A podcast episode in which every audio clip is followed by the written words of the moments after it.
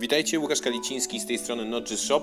Dzisiaj mam ogromną przyjemność e, zaprezentować Wam kolejną rozmowę, jaką, jaką przeprowadziłem ostatnio z panem Andrzejem Jeznachem, samym Andrzejem Jeznachem, osobą, która jest e, no, biznesmenem z kilkudziesięcioletnim doświadczeniem, osobą, która przeżyła no, w swoim życiu nie jeden nie jedne wzloty i nie jedne upadki. Mm, osobą, która dodatkowo chce się dzielić tym wszystkim, czego się podczas tych wszystkich, wszystkich lat nauczyła. Bardzo polecam. E, to jest długi wywiad, bo trwający koło godziny, ale naprawdę no, warto spędzić każdą minutę, żeby, żeby, żeby po prostu posłuchać tego, co tutaj mamy do powiedzenia. Bardzo polecam. No, bądźcie gotowi na naprawdę sympatyczne doznania. Trzymajcie się, e, no i zapraszam. Działamy zatem. Okej, okay, pierwsze pytanie. Słuchaj, Andrzej, e, ja wiem, jaka jest Twoja historia. Skąd się, że tak powiem, wziąłeś, dlaczego teraz ze sobą rozmawiamy i dlaczego mówimy w ogóle o Turkusie, ale dla tych kilku osób na, na świecie, którzy, którzy nie wiedzą, jaka jest Twoja historia, gdzie jakby no, wyrastałeś, w jakim otoczeniu, bo przecież nie jesteś osobą, która ma dwadzieścia kilka lat, więc e, pamiętasz zupełnie inne czasy niż te, które teraz są naokoło nas. Jak to się wszystko wydarzyło, że dzisiaj siedzimy ze sobą i rozmawiamy po prostu, no nie? Czyli jak się zaczęła twoja kariera związana z biznesem, jak ona przebiegała, bo to jest, coś mi się zdaje, że historia, którą można by było opisać w jakiejś zupełnie niezłej, sensacyjnej chyba nawet książce. Tak coś mam wrażenie. No wiadomo, nie chodzi mi o to, żebyśmy w szczegóły wchodzili, ale, ale no, jest bardzo ciekawie. Także w dwóch słowach, a może i nawet w trzech, jakbyś opisał, co to się z tobą działo na przestrzeni tych kilkudziesięciu chyba lat, kiedy, kiedy skończyłeś studia i zacząłeś się parać biznesem. Mm, to znaczy, to było dawno, dawno temu.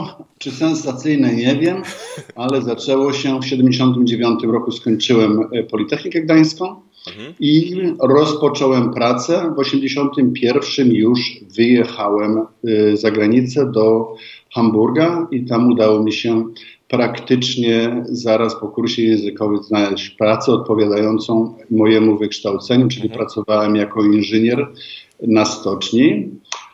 I też od samego początku właściwie moje życie zawodowe było związane z Rosją.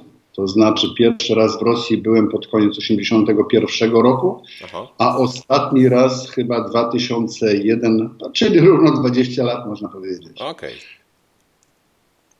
I to, co to oznaczało, że y, zacząłem jako tłumacz polsko, y, nieprawda, rosyjsko-niemiecki. Mhm. Jako, jako ciekawostka dodaję, że rosyjskiego jeszcze y, już dokładnie nie pamiętałem, zdążyłem zapomnieć, a niemieckiego się nie zdążyłem jeszcze nauczyć. No tak, ale wszyscy założyli gość jest z Polski, no to pewnie rosyjski no, zna.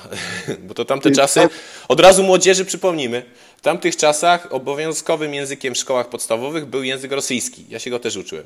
W ósmej y, klasie dopiero gdzieś tam chyba angielski. Tak, tylko tyle, że to jest język, y, który jest doskonały, który uczymy się w szkole do tego, mhm. a żeby y, dla przykładu opowiadać o, o, o przygodach, dziewczynie powiedzieć ja ciebie lubię, to wystarczy, ale do tego, żeby być tłumaczem technicznym, a, tak. to jest zupełnie inna szkoła i dlatego też zawsze twierdzę z pełnym przekonaniem, że języka rosyjskiego nauczyłem się w Hamburgu na stoczni. Aha, aha. Jak z Rosjanami. A, okej, okej. Okay, okay.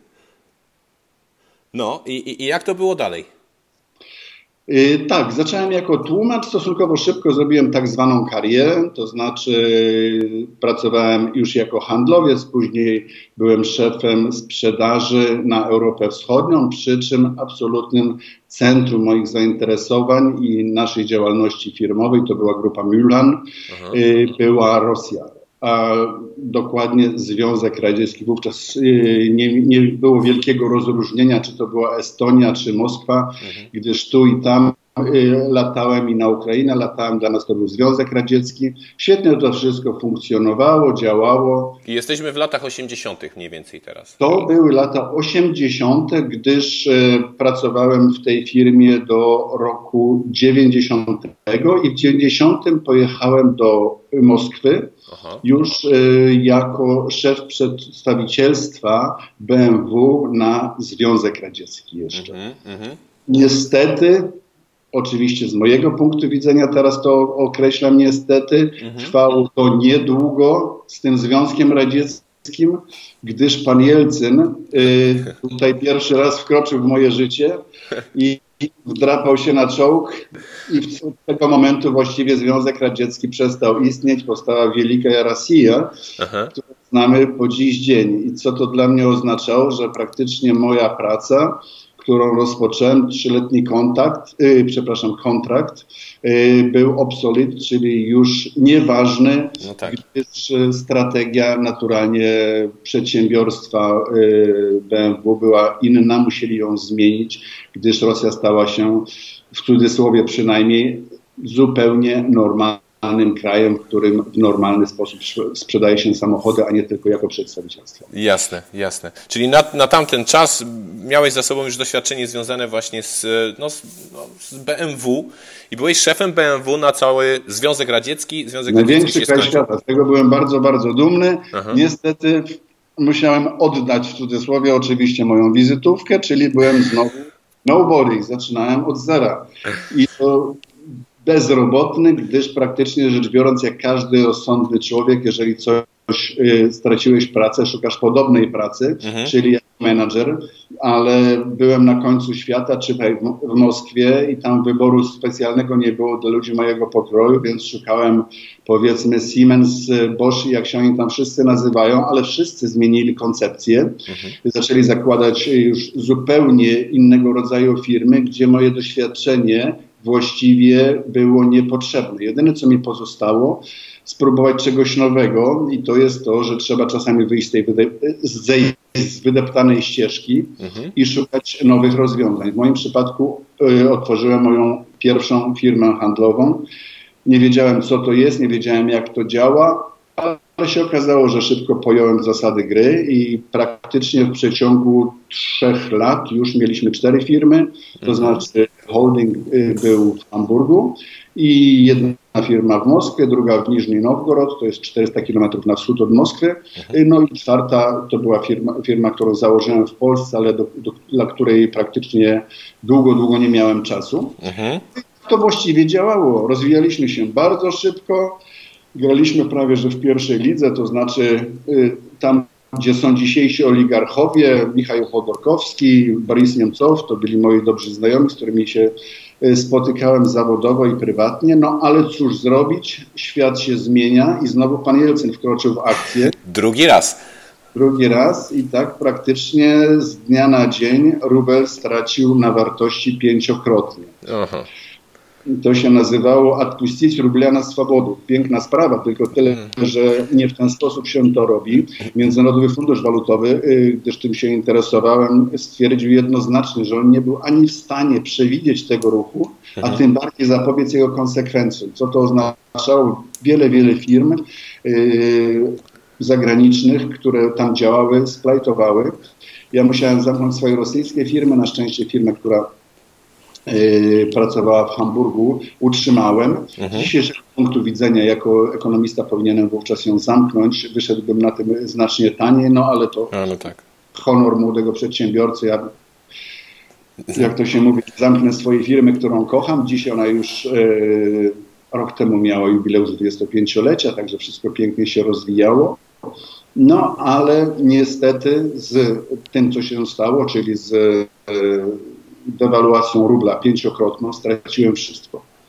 A mm. tego już było stosunkowo dużo. Mieliśmy już y, w budowie dużą fabrykę, mieliśmy własne sieci sprzedaży kosmetyków, druga sieć, market, markety budowlane. Mhm. To wszystko trafił, ale jak to często powtarzam, nie zaczynałem od, od, od zera, tylko zaczynałem z kilkoma milionami długów. No i to, to, to było ciekawe doświadczenie. Y, każdemu, nie powiem, że życzę, ale y, z pełnym przekonaniem, to mówię dzisiaj przynajmniej, że to jest ważne zacząć rzeczywiście od nowa. Jeżeli wtedy się podźwigniesz, znaczy wiesz na czym polega biznes, że to nie jest właśnie szczęście nowicjusza, który tak, się... Tak. No i z tego jestem w pewnym sensie dumny i zadowolony. To wszystko działa. Tylko tyle, że później w drogę wszedł już mi nie pan Jelcyn, tylko pan Jeznach, czyli ja, mhm. mianowicie z moją obsesją sukcesu. I to był wielki, wielki problem, jak się okazało, gdyż e, pomyliłem dwie sprawy. Mianowicie, co to jest pasja, co to jest obsesja. W pasji robimy to, co kochamy, a w obsesji robimy to, co uważamy, że musimy zrobić. Ja musiałem zrobić sukces, chciałem być najlepszy. I to była twoja obsesja. Ale tak. przynajmniej w tym, co robię. Aha. No i w rezultacie doprowadziło to do wypalenia zawodowego. A to jest e, wypalenie zawodowe w swojej dojrzałej postaci jest poważną chorobą. Aha. I y, przede wszystkim jej główną składową jest depresja. Depresja to jest coś takiego, jak gdybyśmy patrzyli przez bardzo, bardzo ciemne okulary, świat jest szarobury i właściwie on ma mało sensu. Mhm. No i przez to musiałem przejść, to trwało kilka lat. Pozbierałem się, o tym właśnie napisałem w książce Sztuka Życia, na mhm. czym to polegało, tak. skąd się wzięło, jak udało mi się z tego wyjść. Y, mówię udało, to znaczy tutaj dużą rolę jednak przypisuje, to nie jest wcale zbytnią przechwałką, to jest koniecznością. Mianowicie z żadnej, z żadnej depresji nie wyciągną nas psychoterapeuci. Oni nam pomogą przejrzeć na oczy, postawią nas na nogi, mhm. ale z sensu tego, co robimy, nowego kierunku, nikt nam nie podpowie. No, oni nie mogą być naszymi doradcami życiowymi ciągle, mhm. mhm. sami znaleźć. I to właśnie. Yy, mogę dzisiaj powiedzieć, udało mi się zrobić udało, gdyż wiadomo, że choć wiele zależy od przypadku, ale faktem jest, że dzisiaj stoję twardo na nogach jako człowiek zadowolony z tego, co robię. Ale właśnie, to jest strasznie ciekawe, zwłaszcza jeżeli nas będą słuchać młodzi ludzie. Wcześniej miałeś ogromny sukces, bo domyślam się, że no, mając kontakty z takimi, no, powiedzmy sobie, oligarchami w Rosji, no to to są pieniądze, które, które są absolutnie nieprawdopodobne. To są samochody, to są drogie zegarki. Mówię tutaj językiem młodego człowieka, który na Instagramie przegląda wszystkie zdjęcia na temat na przykład young, young entrepreneur i widzi tam właśnie jakieś Porsche, widzi tam jakieś Lamborghini i myśli sobie, to jest właśnie to, to jest właśnie kierunek, w jakim chce, chce iść. I dla ciebie to wcale nie był taki prawdziwy sukces. Patrząc z dzisiejszej perspektywy, kiedy siedzisz i patrzysz no, wstecz na swoje życie, tamto wcale nie było no takim prawdziwym sukcesem. Dla Ciebie prawdziwym sukcesem było wygrzebanie się z prawdziwych kłopotów, walka i tak dalej, i tak. I to, że dzisiaj możesz, może nie jeżdżąc Lamborghini, może nie mając zegarka za, nie wiem, 50 tysięcy złotych na ręce, chociaż nie wiem, może masz. Ale generalnie rzecz biorąc, wcale to nie jest dla Ciebie najważniejsze. Można tak powiedzieć? Słuchajcie młodzi teraz od, od razu, bo ja znam chyba odpowiedź na to pytanie. No tak, w dniu dzisiejszym na pewno to nie jest najważniejsze. Y, co ciekawe, dla mnie nie było to też najważniejsze i wówczas. To znaczy, A. jestem raczej człowiekiem, który stąpa po ziemi y, stosunkowo y, w sposób rozsądny, ale co pod rozsądkiem rozumiem tutaj, nie chodzi o świecidełka, nie chodzi o piękne samochody. Oczywiście miałem piękne samochody i miałem piękne domy i tak dalej, tak. tylko to nie było w tym najważniejsze. Dla mnie najważniejsze było rosnąć, być wielkim. To była olbrzymia szansa. Ja byłem na przykład w mieście Niżny Nowgorod, to jest małe prowincjonalne miasteczko, mniej więcej 2 miliony ludności i my byliśmy tam najważniejszą firmą przez, przez długi czas. Mm. Zawsze się śmieję, że nogą otwierałem drzwi do Kremla w Niżnym Nowgorodzie, gdyż rzeczywiście tam wszystkich znałem.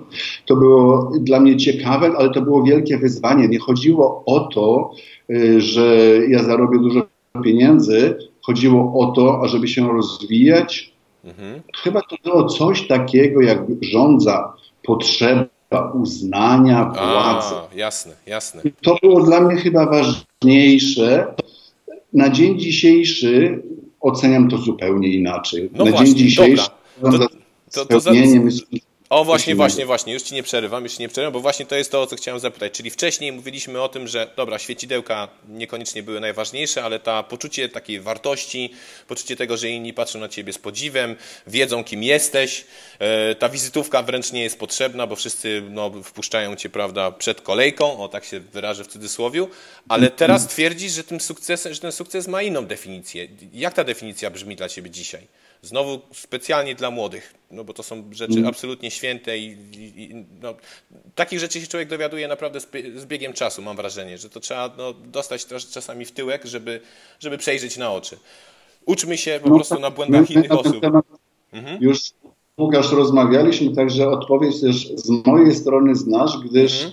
Y, przepraszam, gdyż od dłuższego czasu już nie zmieniam. Mianowicie sukces nie uważam za najważniejsze. Za najważniejsze uważam to, co nazwałem dla siebie dobre życie. To jest sens tego, co robię, niezależnie co z tego wyjdzie na końcu.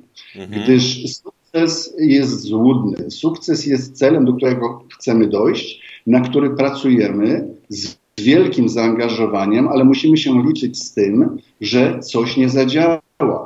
To znaczy, to może być tak zwany fart, szczęście, przypadek.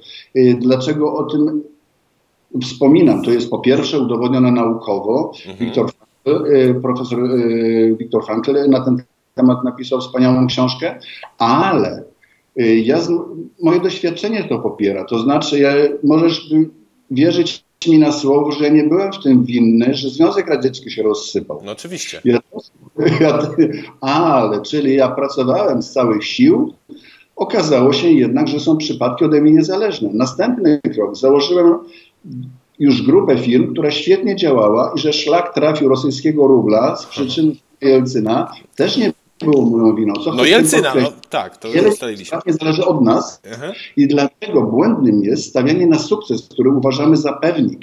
Ci, którzy opowiadają o tym you can do, jest piękne, to jest motywujące, tylko na pewien okres czasu. Z czasem zauważamy, że nie wszystko jednak od nas zależy i przychodzi ten moment rozczarowania. A jeśli skoncentrujemy się na czymś, co uważamy, że ma sens, że jest dobre, Codzie I to codziennie jeszcze, tak? Ten boczny, mhm. on przychodzi automatycznie. To jest to, co nasz wspólny, dobry znajomy, możemy powiedzieć przyjaciel, profesor Blikle opowiada. Tak.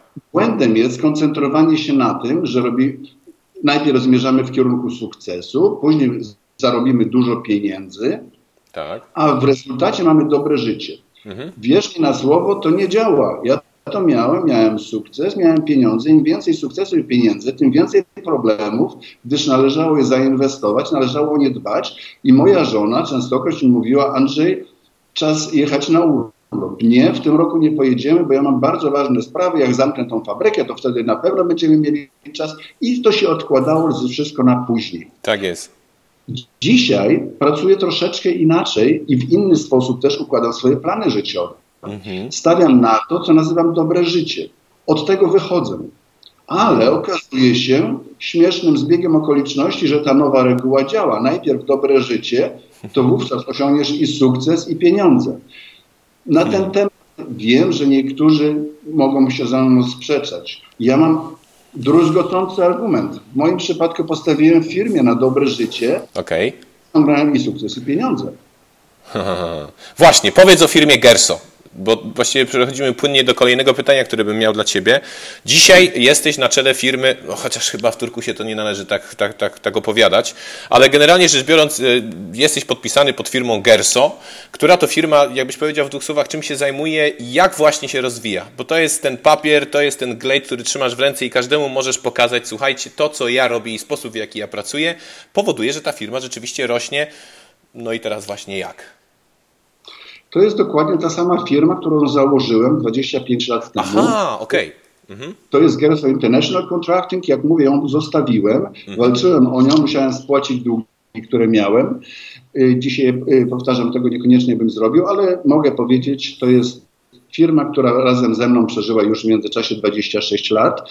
W międzyczasie się zmieniła, w międzyczasie jest znacznie mniejsza i z premedytacją jej nie rozszerzam, gdyż inaczej y, działałbym przeciwko mojej zasadzie dobrego życia, gdyż oznaczałoby to robienie czegoś na siłę. Kiedyś mieliśmy razem około 150 osób, obecnie jest to 20 parę osób. Mhm. Działa to świetnie, jak mówisz, czy jestem na czele, na pewno jestem właścicielem tej firmy, na pewno też jestem prezesem, czyli jestem odpowiedzialny na zewnątrz, tak w stosunku do urzędów, jak i do wszystkich y, klientów i dostawców mhm. y, za wszelkie działania firmy, ale de facto pracują moi koledzy, którzy decydują o wszystkim. I to funkcjonuje, to działa. Firma rozwija się świetnie. Od tego momentu, kiedy zdecydowałem się na zmianę pod podejścia. To znaczy nie wiedziałem, że to się nazywa turkusowe i po dziś dzień jest, nie jestem pewny, czy to jest turkusowe, gdyż już to idziemy w tym kierunku, bo ta nazwa jest, to jest troszeczkę tak, jak gdybym chciał zostać Budą. Ka każdy buddysta stara się robić co najlepsze, ale do, daleko jeszcze do, do, do, do tak. I, I, dlatego też w tym kierunku zmierzamy. W każdym bądź razie, w tym, od tego momentu, pierwsze trzy lata, mówię o pierwszych trzech latach, gdy to są zamknięte bilanse, następny bilans teraz zamykamy w tych miesiącach. Y, rośniemy doskonale, to znaczy z roku na rok ponad 30% y, rosną nasze tak przychody, jak i zyski. Nasza rentowność y, jest Wow. dwa i pół razy większa od średniej branżowej, O, czyli. Uważam, że możemy być z siebie zadowoleni. Co No. to by oznaczało, gdybym był bardziej aktywny w tej firmie?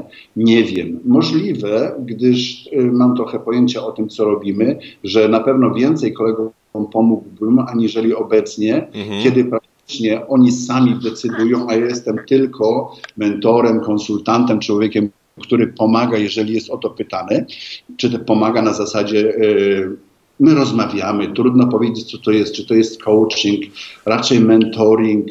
Y, Na pewno to nie jest zarządzanie. Okej, okej. A. No właśnie, y, zaczęliśmy mówić o tym, że poprzestaliście na małym. O, chyba nawet filozof jakiś y, użył takich słów, poprzestań na małym. Nie wiem, takie, takie, żeby właśnie poczuć to szczęście, żeby nie martwić się o to, o te dobra, które gdzieś tam się gromadzi. Ale to już zostawmy te filozoficzne rozważania. Natomiast to, co mnie interesuje, to właśnie misja twojej firmy. Dzięki temu, że macie grupę, no zwartą grupę przyjaciół, nawet fajnie powiedziałeś kolegów, a nie pracowników, e, to od razu tutaj muszę wypunktować, bo strasznie lubię, kiedy no, turkusowi szefowie mówią o swoich, y, nie będzie, pracownikach, że to są koledzy, że to są współpracownicy, że pracujemy razem, a nie oni pracują dla mnie. To jest troszeczkę inne, jakby już, już, już tutaj się zaczyna różnica, jeżeli chodzi o turkus w stosunku do takiej normalnej, typowej firmy, jak o niej opowiadamy. No ale dobra, to już też zostawmy. Natomiast w Twojej firmie misją jest dobre życie, to już wiemy, że dobre życie dla Ciebie, ale dobre życie też dla wszystkich. To jest cała misja. Dobre życie dla wszystkich. No więc jakbyś No, powiedział tak. dla wszystkich, to znaczy jak to się przejawia, jak to, jak to zjeść? No, to znaczy No, koledzy... Kiedy, Mhm. Kiedyś właśnie dosz, doszło do takiej dyskusji, to było w tym okresie, kiedy już stwierdziłem po rozmowie z e, Wojtkiem Eichelbergerem, Aha. że e, jesteśmy firmą turkusową, przynajmniej zdążamy w tym kierunku, gdyż pokazał mi książkę, czy też wskazał mi książkę Fryderyka Laloux. Pracować inaczej, bo to od niego się dowiedziałem o, o tej książce. I y, oczywiście wczytałem się w tą, w tą całą tematykę i w jednym z zebrań, które regularnie prowadzimy, mówię, kochani, naczytałem się mądrych książek, mówią, że musimy mieć wizję, musimy mieć misję, czy macie jakiś pomysł? No i długo dyskutowaliśmy to wszystko jakieś, jakieś było rozlane, coś na zasadzie budujemy coś wielkiego, Mhm. To zwykle znamy e, wszystkie firmy, na nas możesz polegać.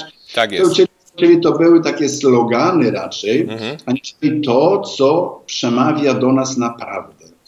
I ja zupełnie w sposób prawdziwy chyba powiedziałem, słuchajcie, ja dla siebie stwierdziłem, że moim mottem życiowym jest dobre życie. Postawiłem na to. Co wy o tym sądzicie? No i tu się zaczęła dyskusja. O. Najpierw spokojne przytakiwania. No właściwie to każdemu pasuje coś takiego. Jasne. Każdy rozumie pod tym coś zupełnie innego. Jeden chciałby pod, pod dobrym życiem y, widzieć, nie wiem, jakiegoś dużego suwa, drugi chciałby po prostu przyzwoite pieniądze przynieść do domu, żeby zapewnić żonie y, i, i rodzinie przyzwoite życie, trzeci chce jechać na urlop i tak dalej, i tak dalej. Tak. Ale każdy się z tym zgodził.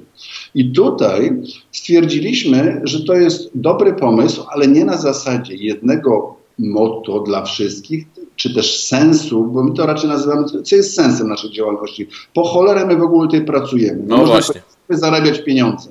To czyli zarabiać pieniądze, to wszystkie chwyty są dozwolone, im więcej, tym lepiej. Niesłusznie, przecież nie o to chodzi. I skoncentrowaliśmy się na tym sensie, że sensem jest dobre życie, ale nie jako zadekretowana jeden, jeden sens, tylko ja to nazywam tęczą sensu lub też bukietem sensu. To Mhm. znaczy, jak patrzysz na bukiet, widzisz całość, piękny bukiet, A. ale tam jest wiele kwiatków i każdy Świetne, ma swojego własnego kwiatka. Super. Każdy go rozumie inaczej, Mhm. ale całość też się zgadza.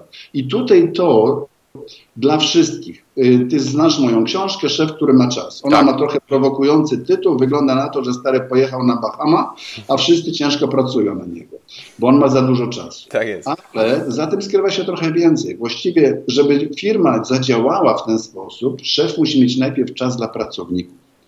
To znaczy, w moim przypadku wyglądało to tak, że skończyłem kurs coachingu, Po co? Właściwie nie wiem, ale to chyba było podświadome.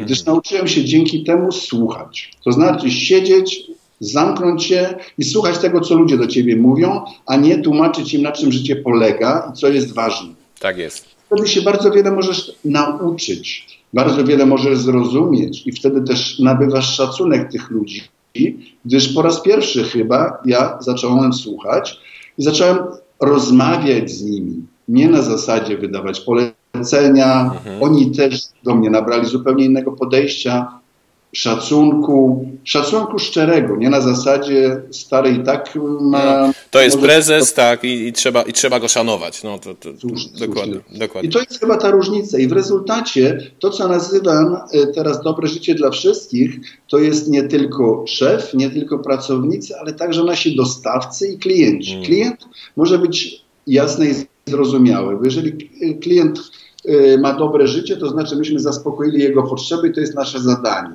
Mhm. Ale należy dbać też o dobre życie dostawcy, gdyż raz mu wykręcisz ręce i dostaniesz super cenę, ale następnym razem ty będziesz potrzebował, żeby on coś szybko zrobił, żeby on zrozumiał twoją sytuację, że nie jesteś w stanie zapłacić na przykład za, za dwa dni, tylko dopiero za, za siedem dni. Mhm.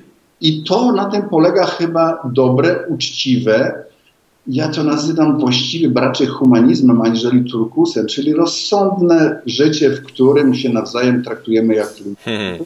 To Ja- cała Tak, ja to jeszcze nazywam logiczne. Najzwyczajniej w świecie. Tak. Mi po prostu tak logika nakazuje. Ja nie jestem z wykształcenia, zresztą z tego co słyszę, ty też nie jesteś z wykształcenia gdzieś tam osobą związaną z biznesem. Nie, nie skończyłeś studiów jakoś, może później, ale ekonomicznych od samej podstawy. Yy, albo inaczej, na bazie studiów ekonomicznych nie zbudowałeś swojej firmy. To było bardziej, no, wchodziła w grę jakaś filozofia, to co się czuje w środku, a niekoniecznie książki. Z pierwszego wykształcenia jestem inżynierem budowy okrętów, Mhm. a y, pracowałem w wielu, wielu branżach. Jed, był moment nawet, kiedy sprzedawałem bieliznę damską. Nie, No to było ciekawe, ale niekoniecznie dla mnie najciekawszy moment z mojego życia. Mhm. Po prostu musiałem przetrwać. Studia ekonomiczne y, jako takie y, też mam za sobą. Mam doktorat z ekonomii, ale to A, już proszę. było później. To już było później. To już było później. Ale i tak, do tej firmy, do postaci firmy, którą masz dzisiaj, doprowadziło cię bardziej, bym powiedział, doświadczenie. To, że dostałeś, no chciałbym powiedzieć po tyłku, ale nie powiem. Ale, ale rzeczywiście, że zdarzyły ci się różne historie w życiu i to spowodowało, że dzisiaj firma wygląda tak, a nie inaczej. A niekoniecznie to, że w książce napisali.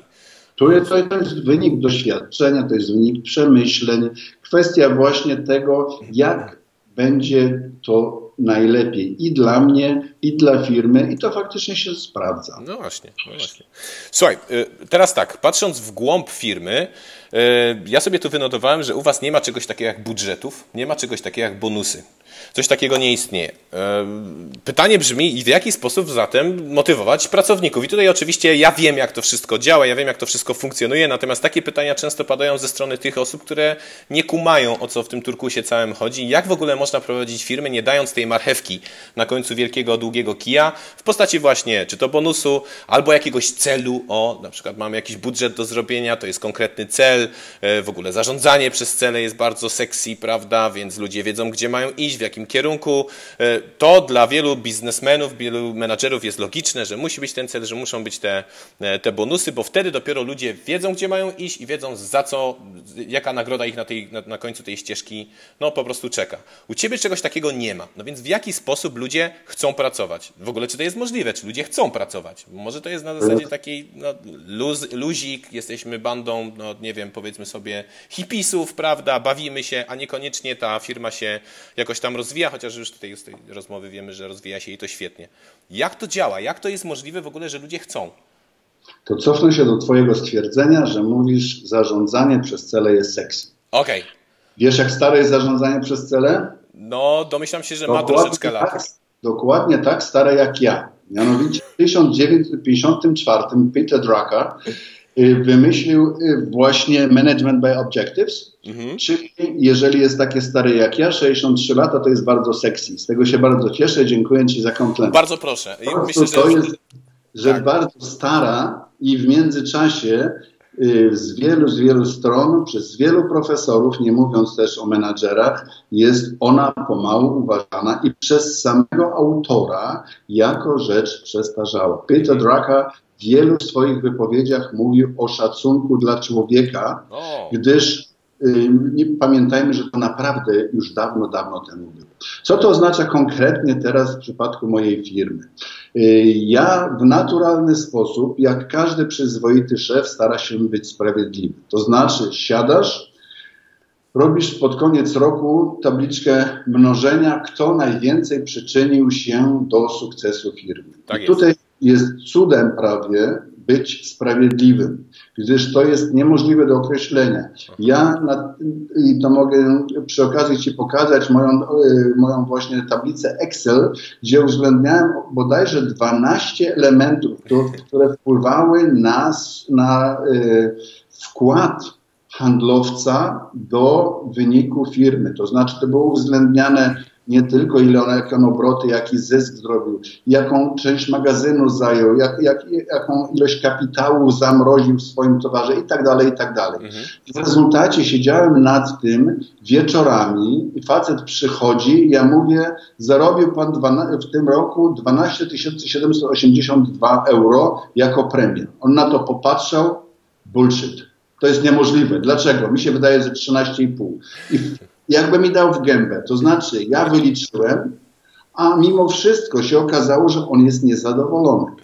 no tak, no. I możliwe, że miał rację, że się nawet pomyliłem o, o, o, o te, te, te 100 czy 200 euro, ale de facto to jest niemożliwe do obliczenia. I na dzień dzisiejszy, tak działa to już, już, u nas e, prawie dwa lata, jak Mhm. wprowadziłem to, że odebrałem premię. Brzmi brzydko, Mhm.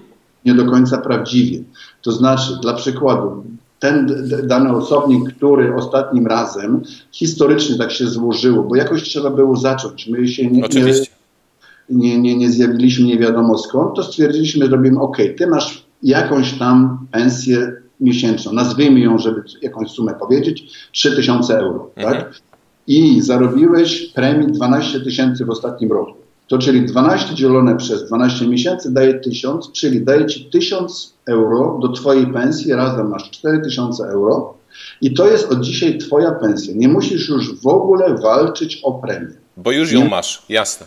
Bo ty już ją masz awansem. To Mhm. jest z mojej strony sygnał, ja tobie ufam. ufam. O, pięknie. I to jest powiedziane jemu. Słuchajcie ludzie, ja się naczytałem mądrych książek i z tego wynika, jeżeli się ufa człowiekowi, to znaczy, czy ja do tego podszedłem prawidłowo, nie wiem, może trochę niezdarnie, Mhm. ale częstokroć wydaje mi się, co jest najważniejsze, szczerze.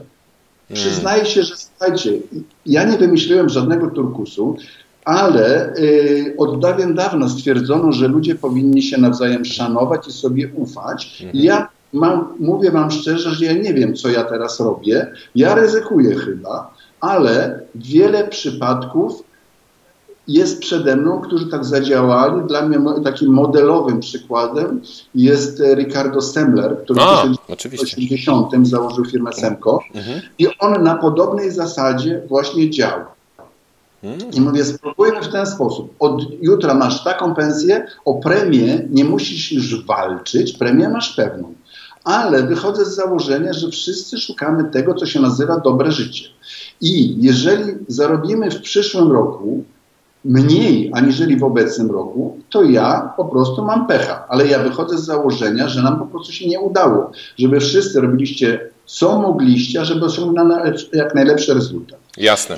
zarobimy więcej niż w poprzednim roku, wówczas dzielimy porówno. Czy to jest porówno, może być problematyczne. Połowę bierze firma, połowę bierzecie wy, pracownicy. Mhm.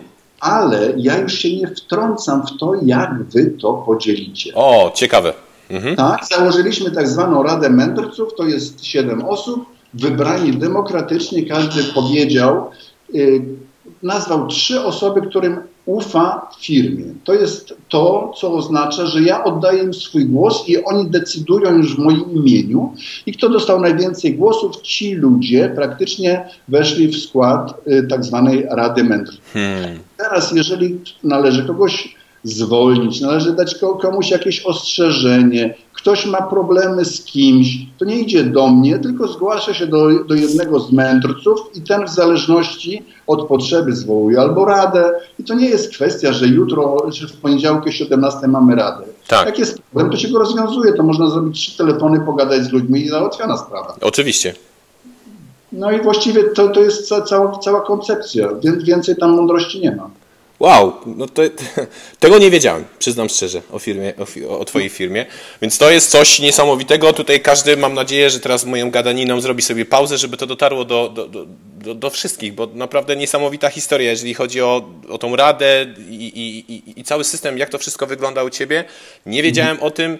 No, to mam łzy w oczach ze wzruszenia, poważnie. To się cieszę. Okej. że Wszystko będzie dobrze. Tak, dobrze. Poklep... Czuję się poklepany po ramieniu. Łukaszku, spokojnie. Dobra, słuchaj, kolejne pytanie. Jest taki termin, który sobie uknąłeś. Ja nie wiem, czy on istnieje gdzieś w jakichś podręcznikach, czy go mogę na przykład w Scrabble wykorzystać. Homo soviecticus. Homo Fajnie. sowie- Sovieticus naturalnie istnieje. Poważnie? Naprawdę? Tak, tak, tak, tak. To, to, to jest pojęcie z lat, e, z e, lat końcówka lat 60. Yy, Z nazywa- 60 lat jeszcze. Kurde, ja myślałem, że to po 90, y, po, po 90 no, roku, powiedzmy sobie, zostało gdzieś Nie, to, to, to, jest rosyjski dysydent. Zapomniałem teraz nazwiska, zaskoczyłeś mnie. Aha. E, W każdym bądź razie on napisał książkę pod tytułem Homo Sovieticus. No, Jeżeli w Wikipedii wklepiesz, to, to, to, to, to znajdziesz od razu. Yy, on się nazywa Aleksander S- S- Solowiow, czy coś podobnego. Aha, aha. Nieważne. W każdym bądź razie on, on napisał tą książkę, tę książkę, e, opowiadając o właśnie, on, on jest psychologiem, filozofem. aha. To jest o tyle ciekawe, że opisując twór zwany Homo Sovieticus, on się skoncentrował na jednym, mianowicie to jest człowiek, który w sposób świadomy rezygnuje ze swoich praw wolności. To znaczy, on chce przeżyć. Y, Ty tych, tego czasu nie znasz, to była bardzo nieprzyjemna historia, że lepiej było się nie wysuwać, Tak. a po cholerę, jak wszyscy m- klaszczą, to się klaskało. Jeżeli y, coś ci się nie podobało u sekretarza partii, czy pierwszego przewodniczącego, czy jak go nazwać, to po prostu byłeś cicho i ty miałeś spokojnie przeżyć do pierwszego i wszystko było dobrze, maszerować z tłumem. Jasne. I tacy ludzie istnieli w systemach e, typu właśnie jak mieliśmy w Polsce czy w e, NRD, w którym e, na terenie e, Niemiec Wschodnich ja mam swoją firmę i to jest zjawisko. Ja obserwuję to indywidualne, indywidualnie, to znaczy nie są żadne badania naukowe, ale ludzie właśnie w wieku którzy byli w wieku produkcyjnym jeszcze podczas e, okresu e, sowieckiego, czy so, socjalizmu w Polsce to nazwać PRL-u, Mhm. mają częstokroć takie podejście. Lepiej się nie wysuwać, żyć spokojnie, będzie dobrze i Tak tak, cię nie docenią, najwyżej po łbie zarobisz, jeż- jeżeli będziesz za dużo e, się mądrzy.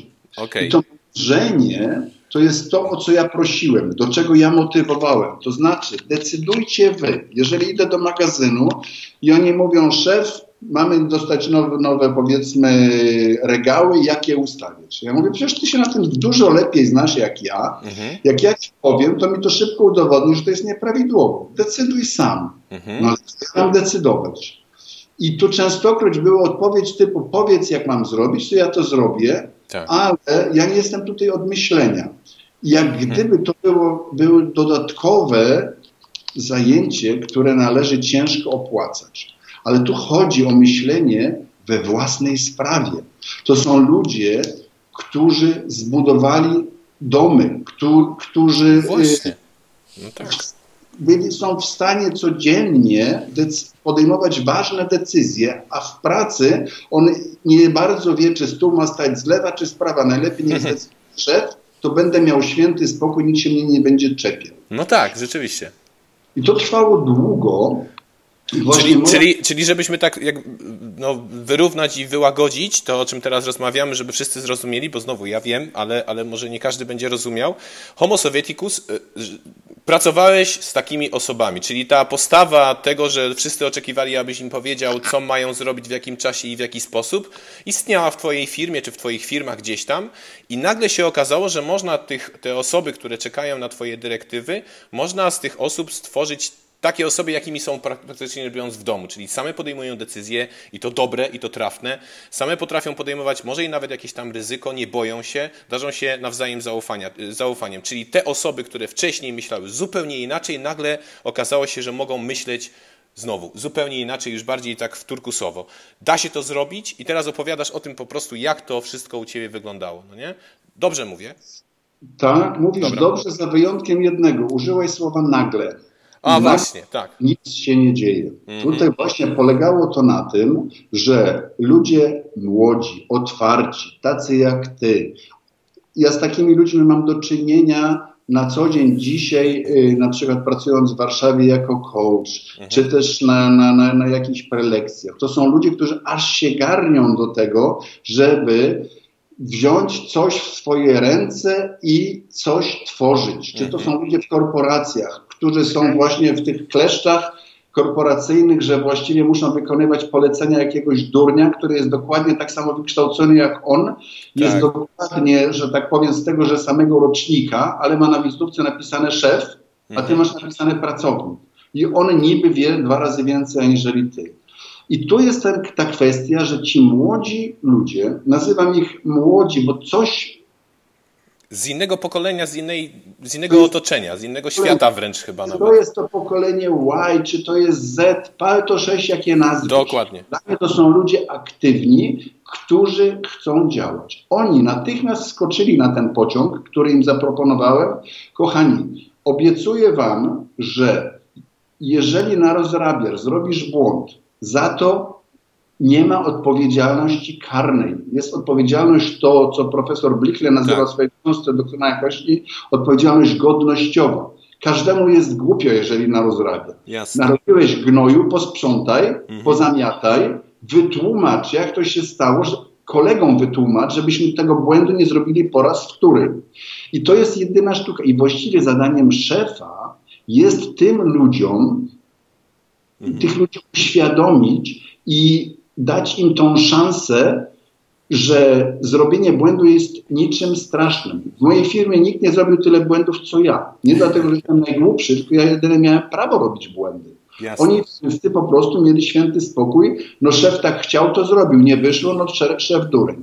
Tak Krótko rzecz biorąc, była jedna część, która od razu poszła w tą, w tą, w tą nową, tę nową drogą mhm. i część, którą nazwijmy brzydko homo sovieticus lub też ludzie ostrożni, wygodni. Mhm. Oni nie widzą w tym specjalnie sensu. Dlaczego? I to trwało bardzo długo. I tutaj właśnie w stosunku do tego, y, to niestety muszę stać się nieco bardziej filozoficzny, gdyż filozofia mi pomogła znaleźć rozwiązanie, Aha.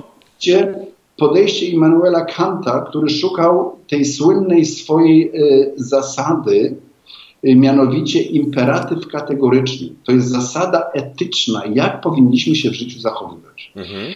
I ona się bardzo różni od tego, co nazywamy regula aurea, czyli złota reguła. Zachowuj się tak, jakbyś chciał, żeby się inni zachowywali. Mhm. Prosty przykład, dlaczego to nie działa. Weź pod uwagę yy, masochistę i sadystę. zachowuj się tak, jakbyś chciał, jak ja bym chciał, żeby się wszyscy zachowywali. Nie wszyscy ludzie są tacy. No oczywiście. Ludzie się od siebie różnią. I ja zawsze uważałem, bądź takim szefem, jakiego chciałbyś mieć. Zauważ błąd w rozumowaniu. Jakiego ja chciałbym mieć? Ty chciałbyś mieć innego przecież. No jasne. I na tym polega cały pic, że zdecydowałem, że, że nie ten jest sprawiedliwy, który mówi, że ja dla nikogo nie robię wyjątku. Mhm. Sprawiedliwy jest ten, który mówi, że ja robię wyjątek dla każdego. Mhm. I na tym polegała moja droga do dojścia do tych opornych.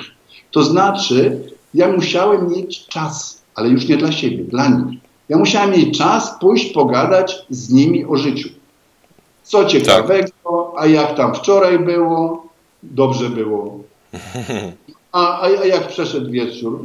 No dobrze, dobrze i czeka właściwie, czego szef się przypieprzy. Tak? on właściwie ode mnie chce, a ja szukam kontaktu i to trwało.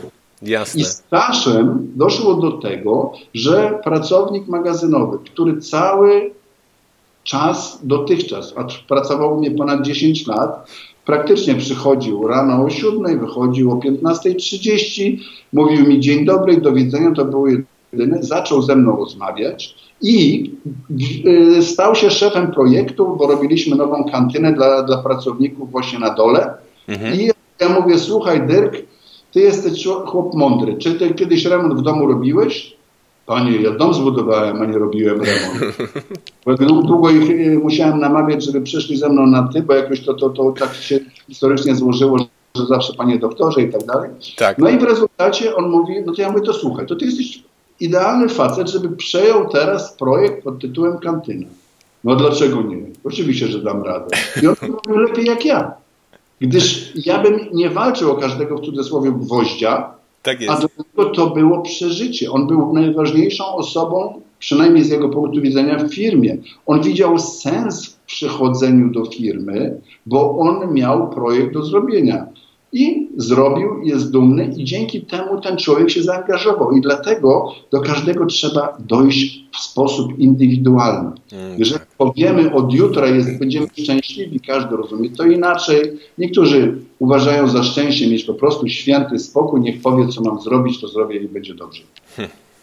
No i, i, i znowu, co ja mam powiedzieć, co ja mam dodać? A ty się, Andrzej, tym, jakby tak powiedział jeden czy drugi dwudziestolatek, ty się tym kurczę jarasz.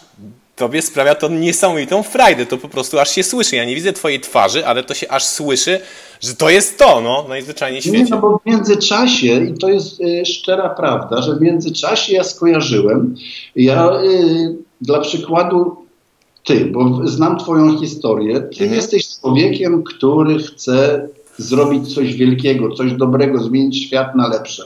Mhm. Chce mieć jakiś sens w tym wszystkim i to jest twoja idea, tak ja ciebie rozumiem przynajmniej, Mhm. po co wprowadzasz to? Bo chcesz, żeby świat był sprawiedliwszy, lepszy, milszy, żebyśmy się fajnie czuli. Jasne. Ja w zupełnie inny sposób do tego podszedłem. Jeśli tego właściwie nie wstydzę, bo tak było, nie ma sensu to obwijać bawełnę. Ja zmieniłem zasady y, organizacyjne w firmie po to, żeby mieć czas dla siebie. Ja miałem okres wypadku zawodowego.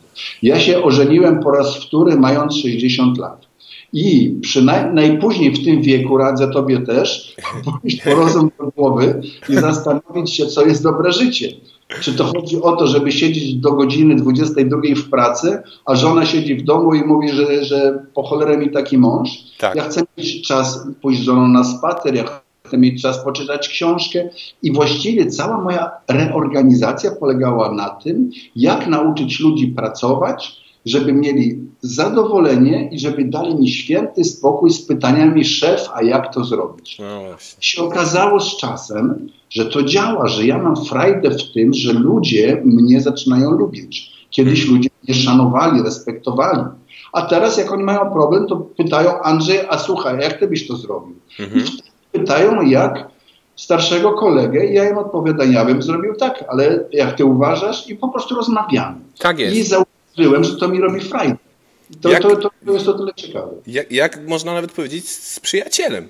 Normalnie. Tak, to znaczy są momenty, kiedy, i tutaj właśnie jest kwestia, dlaczego tak niechętnie nazywam moją firmę turkusową. Aha. Są momenty, kiedy mm, ty jesteś tutaj specjalista, ale jak, jak e, nas słucha jeszcze przynajmniej, to dla tych e, Fryderyk Laloux oparł się na teorii Claire Graves. Claire, Graves to jest teoria e, rozwoju świadomości, gdzie przeskakujemy z lewa na prawo. Na lewo jest podejście my, na prawo podejście ja. I ciągle mamy ten przeskok. To znaczy, jeżeli jesteśmy w orange, czyli w pomarańczowym sektorze, Tak. to chodzi o siłę my. Przechodzimy na kolor zielony. Zielony jest, y, przepraszam, y, na orange jestem ja. Ja jestem ważny, ja osiągnę zyski, ja jestem ten, który decyduje. Mhm. Nie przechodzimy na kolor zielony. Kolorem zielonym jest my. Równość, miłość, braterstwo, flower peoples i tak dalej, i tak dalej. Tak wielcze. Ale to w organizacjach nie do końca działa. Mhm. Tutaj właściwie u Cleya Gravesa nie wchodzimy na turkusowy. Po zielonym przechodzi kolor żółty. I kolor żółty jest kolorem synergii. Po raz pierwszy, nie chcę teraz zanudzać tym, co było poprzednio, kolor czerwony, bursztynowy i tak dalej. Tak jest. Każdy z tych kolorów jednoznacznie odrzucał poprzedni. A kolor żółty był pierwszym kolorem, stanem świadomości, który stwierdził, że najmądrzejszym podejściem jest uwzględniać to dobre, co było w kolorach poprzednich, w kolorach, czyli w stanach świadomości. Hierarchia. Hierarchia ma swój sens, jeżeli jesteś w zakładzie szewskim Mhm. i masz, jesteś mistrzem i masz kilkoro uczniów. I jak z nimi powiesz, kochani, rób ta, co chce ta, to ja w tych butach bym nie chciał chodzić.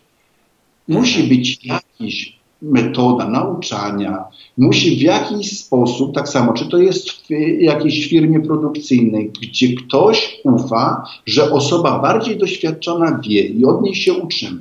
Czyli są momenty, kiedy hierarchia ma dobre strony. Czasami Okej. Mhm. jest moment czerwony. Co to znaczy czerwony? Siedzimy na zebraniu i mówimy, słuchajcie, albo w moim przypadku, albo dolar pójdzie do góry, albo pójdzie na dół. My dużo kupujemy w e, Polsce, my dużo kupujemy w Chinach i trzeba podjąć decyzję, jaki będzie kierunek. I jeżeli Rada Mędrców się pół na pół ustawi, to nie ma decyzji. Wtedy ktoś musi podjąć decyzję. Musi być tym decydującym głosem, jasne. jest czerwone. To jest czerwone. Ktoś zebrał odwagę, mówi pię- pięścią w stół uderzył, mówi ja uważam, że będzie dolar. Nikt nie wie tak naprawdę. Ktoś musi pokazać to. I to jest kolor żółty. Czyli szanujemy się, pracujemy. I później dopiero i kolor żółty jest kolorem znowu indywidualnym. To jest synergia, wybieramy co najlepsze w celu efektywności. Chodzi o organizację. A, okej, A jasne. później idziemy znowu w miłość, szacunek dla bliźniego swego, znowu idziemy w kierunek my. I to Mhm. jest Turkus. I Turkus jest wielkim ideałem. I ja gdzieś się zaczepiłem pomiędzy żółtym a turkusowym. Aha. Nie chcę wiedzieć gdzie. Ja chcę szanować ludzi, ja chcę, żeby mnie ludzie szanowali, żebyśmy mieli dobre życie. A jak my to nazwiemy kolorystycznie, To już To drugorzędna sprawa. Jasne. No jasne, no jasne. Dobra, zmierzamy powoli do końca. To jest wywiad, który trwa najdłużej. Mamy 52 minuty za sobą i, i ja nie chcę kończyć. Ja, ale ja nie chcę kończyć, no, najzwyczajniej w świecie. Słuchaj, mam jeszcze no, jedno pytanie właściwie. Na samym ko- końcu będę prosił, żebyś powiedział coś o swoich książkach, ale zanim do tego dojdziemy, mam takie ważne pytanie i taką, takie przemyślenie nawet. Według mnie, jak sobie obserwuję właśnie ten świat turkusowy, albo nazwijmy sobie go tam, no nie wiem, firmy, idee i, i, i tak dalej, i tak dalej, to są y, na świecie osoby, które w to wierzą, ale na przykład nie wiedzą, jak wprowadzić. Nie wiedzą, że w ogóle firmę można prowadzić w takim duchu. Duchu tym odpowiedzialności, zaufania i tak dalej. Ale coś im po prostu gdzieś tam w duszy już gra. Nagle słyszą takiego radka, słyszą ciebie, może moją jakże skromną, chociaż dwumetrową osobę też. I dowiadują się, że rzeczywiście firmy takie istnieją i nabierają odwagi, żeby coś takiego wprowadzić u siebie. To, są, to jest jeden rodzaj ludzi.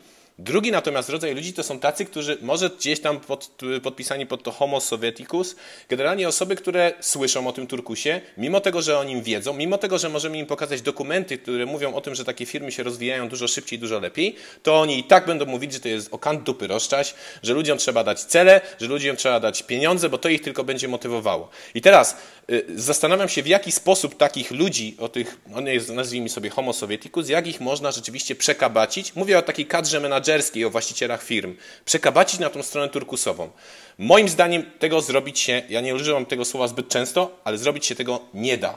Trzeba dostać w dupę od życia, żeby rzeczywiście na zasadzie takiej, jak ktoś, nie wiem, choruje na raka i wychodzi z tego raka i otrzymuje drugą szansę i wtedy dopiero się zmienia. Musi przeżyć traumatyczną sytuację, coś naprawdę podniosłego, napompowanego emocjami, żeby po tym doświadczeniu wyjść i powiedzieć, kurde, teraz zacznę robić inaczej. Nie wiem, czy ty nie jesteś troszeczkę przykładem takiego rozumowania, że rzeczywiście przeszedłeś swoją drogę w taki sposób, że dostałeś naprawdę niezłe baty i to spowodowało, nawet sobie o tym chyba dzisiaj mówiliśmy, i to spowodowało, że, że teraz jesteś w takim, a nie innym miejscu, że nie potrzebujesz zdobywać świata, że nie potrzebujesz być największą korporacją na świecie, bo wiesz, że to nie jest najważniejsze. Czy, czy ty się z tym zgodzisz? Czy rzeczywiście trzeba ludzi najpierw złamać, tych takich totalnych niewiarków, złamać po to, żeby oni uwierzyli w ten turkus, czy lepiej ich zostawić samych sobie, robić swoją robotę, e, nie przejmować się tymi osobami i po prostu skupić się tylko i wyłącznie na tych, którzy już wierzą, którzy może coś czują i dać im odwagę do tego, żeby wychodzili e, na światło dzienne. Nie wiem, jak myślisz, czy, czy to jakoś da się zrobić rzeczywiście? No, jak z tymi... No, no, no. To znaczy złamać na pewno nie radziłbym tobie próbować kogokolwiek łamać. Nie, życie, to znaczy, życie, życie, ja życie. rozumiem, życie mu coś pokaże. Chyba najlepszą drogą zawsze i wszędzie jest rozwój naturalny. To jest to, co nasze cele, twoje, moje, to co robimy, jest bardzo rewolucyjne, to jest nowe. Ale bzdurą byłoby w sposób rewolucyjny do tego zdążać. Rewolucja Jasne. łamie, niszczy. Ewolucja jest jedyną drogą, która w sposób naturalny, bez użycia siły, Mhm. przekonuje do nowego podejścia. Nie zapomnijmy skąd się wzięło zarządzanie. Jak mówię, y, management by objective, czyli zarządzanie przez cele ma dokładnie y, 63 lata, czyli jak ja z 54 roku y, jest, y, znaczy rodem, Mhm. ale zarządzanie taylorowskie, które jest tak zwane y, scientific management, powstało w roku 1916, czyli hierarchiczne zarządzanie, biurokracja, którą za, y, y, ojcem jest Max Weber. Wszystko to ma 100 lat z kawałkiem. Tak jest. Mimo wszystko w dalszym ciągu się rozwija, ludzie próbują to ulepszać i także samo ten ruch, o którym mówimy, nazwijmy go ruchem turkusowym, czy ja bym go nazwał humanistycznym, ale to nie sprzeczajmy się o to, Mhm. ten ruch potrzebuje też czasu. Tak I jest. Mhm. to jest najlepszym do tego osobnikiem. To są tacy natural born leader jak ty, który uważa, że chce zmienić świat, bo tobie się to podoba. Mhm. Albo ludzie, którzy, jak to ładnie nazwałeś, dostali od życia kopniaka. Mhm. To też w jakiś sposób zmienia świadomość w sposób szybki, radykalny. Okej. Ale wszyscy inni, to jest przykład tego Dirka, którego ja ci podałem. Mhm. On potrzebował kilka lat, żeby do tego dojść. Co ja zrobiłem? Ja do niego podszedłem po prostu po ludzku. Ja go traktowałem jak po raz pierwszy, jak człowieka. I dałem mu czas do namysłu. On się przyjrzał, co się dzieje w tej zakichanej firmie i patrzy, że ludzie się zaczynają do siebie uśmiechać. Mhm. I to nie jest nic złego chyba. I teraz i szef z nim rozmawia inaczej. On pomału zaczę, zaczyna się zbliżać do grupy, zaczyna brać udział w życiu tej grupy. A, tak. Ale tu mówimy o pracownikach. No właśnie. Masz tych silnych przywódców, którzy uważa, jak nie wezmę y, narodu za mordę, to nic z tego nie będzie. O, właśnie. Okej, tylko teraz jest kwestia taka, że są tacy i tacy. I my nie możemy wprowadzać na siłę, jak, jak, jak to za komunizmu było, że od jutra wszyscy jesteśmy równi, ale nie mówmy głośno, niektórzy są równiejsi i będziemy udawali, że, tak jest, że jest to sprawiedliwe. Mhm. Y, Ricardo Semler opowiedział, odpowiedział na podobne pytanie, na czym to polega, jeżeli to jest taki, taki super system, bo do niego ludzie zjeżdżali się jak na pielgrzymki, wszyscy wielcy tego świata, General Motors i, i, i Siemens przyjeżdżał do niego na wycieczki oglądać, jak to działa Tak. i mimo wszystko w latach 80., 90. tego nie założyli. Ale dzisiaj to już robią. Dzisiaj to robi Volkswagen Group. Dzisiaj Adidas prowadził to, Spotify, ING Bank. Wielkie korporacje zaczynają pracować na jednym już z filarów, mianowicie na filarze samozarządzania. Oni nie wchodzą na filar turkusowy, który się nazywa pełnia, nie wchodzą na ewolucyjny cel firmy, ale to jest ewolucja. I Ricardo Semler odpowiedział, to nie działa, gdyż, osiem, on to tak nazwał, 80% menadżerów nie chce oddać swojej władzy, o którą tyle walczyli, tu, Tak. tyle siły poświęcili na ustawienie się w tej hierarchii. Aha. A, a 25% ludzi po prostu nie wierzy w tak zwane dobro w człowieku, że jeżeli dasz mu szansę, to on naprawdę będzie chętnie pracował. I w tym jest dużo prawdy, bo jeżeli system jest tak ustawiony, że jedyna szansa pójść do góry, pod pójściem do góry rozumiem lepsze zarobki, jest awansować, musimy mieć hierarchię. Mhm. Nie ma wyjścia. Tak jest, dokładnie.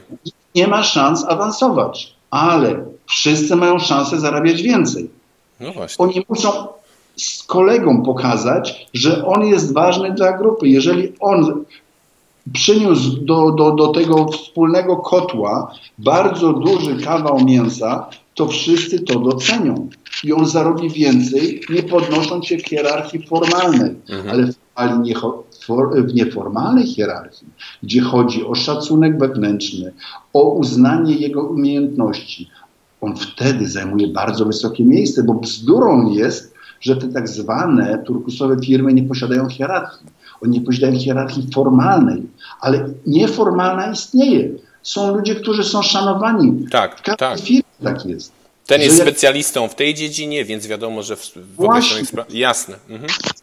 I, I, w ten sposób to działa, że to musi w sposób naturalny, jeden dojdzie szybciej, drugi wolniej. Gdzież mamy napisane, że w roku 2040 musimy być turkusowi? Nigdzie. Otóż... Jedni będą w dalszym ciągu tak, z czasem mam nadzieję, że to wszystko się poukłada, ludzie zauważą, że to działa. Nie na darmo wielkie koncerny, jak mówię, zaczynają, podchodzą do tego tak troszeczkę jak ten słynny list do jeża, nie bardzo wiedzą jak to dotknąć, mhm. ale wiedzą, że w tym coś jest, bo ludzie młodzi, aktywni, nie przychodzą do skostniałych firm, a jeżeli przyjdą kupieni dobrą pensją, popracują tam dwa lata, mówią pieprze, ja tutaj nie mogę pracować. Tak. Tutaj muszę raportować jakiemuś kretynowi, który udaje szefa, bo on ma, ma, ma na, na to glejt, papier, ale naprawdę to jest kretyn. I dobry pracownik znajdzie za chwilę miejsce gdzie indziej. I żeby tych ludzi utrzymać,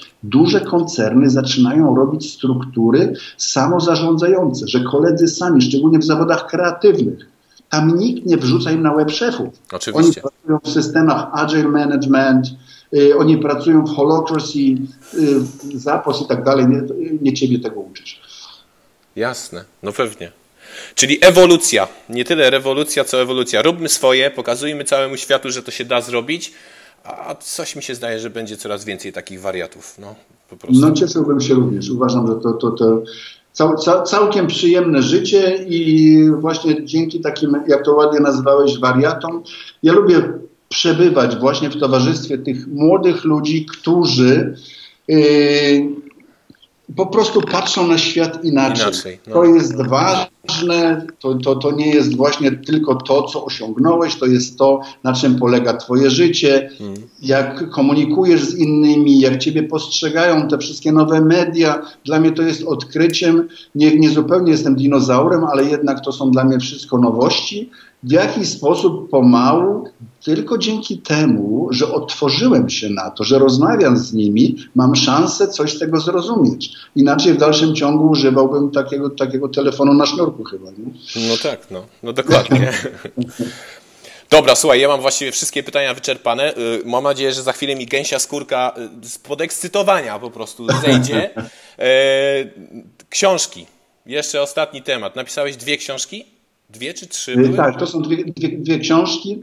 Jedna książka nazywa się e, Sztuka Życia. To jest ta pierwsza. To jest ta pierwsza, w którym opisałem po prostu moją drogę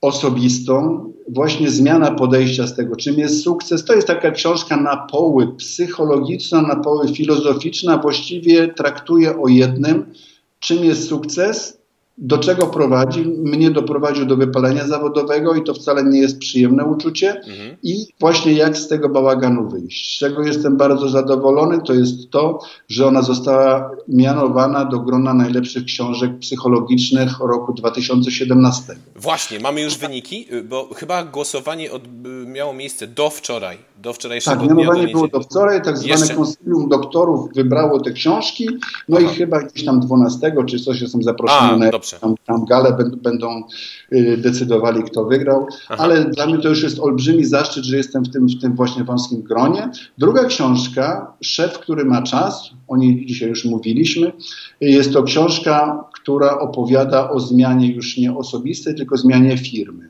Mhm. Dlaczego to zrobiłem, po co to zrobiłem, jak to zrobiłem. I tam żadnych tajemnic nie ma. To jest dokładnie właściwie już y, wszystko wiesz, prawie że książki czytać nie musisz. Tam jest naturalnie dużo więcej, tam są Mhm, przygody y, na zasadzie jak y, człowiek musi pamiętać o tym, że to, to, to nie jest przedszkole, że można na tym stracić pieniądze, że ktoś cię może oszukać, jak mnie oszukano już w firmie tak zwanej turkusowej Tak. i jak z tego wyszedłem, że koledzy go zna, y, tego, tego delikwenta znaleźli. Mhm. Krótko rzecz biorąc, tam opowiadam o zmianie firmy. I ta książka również została właśnie uznana, weszła do grona najlepszych książek 2017, ale z działu biznesowo-ekonomicznego. No, gratulacje. No, No, bo, bo wpakowałem się w, tak, w historię, w którą po prostu sobie opisałem swoje życie. się okazało, że to jest interesujące i to mnie ogromnie cieszy. No, genialnie, super, gratulacje jeszcze raz.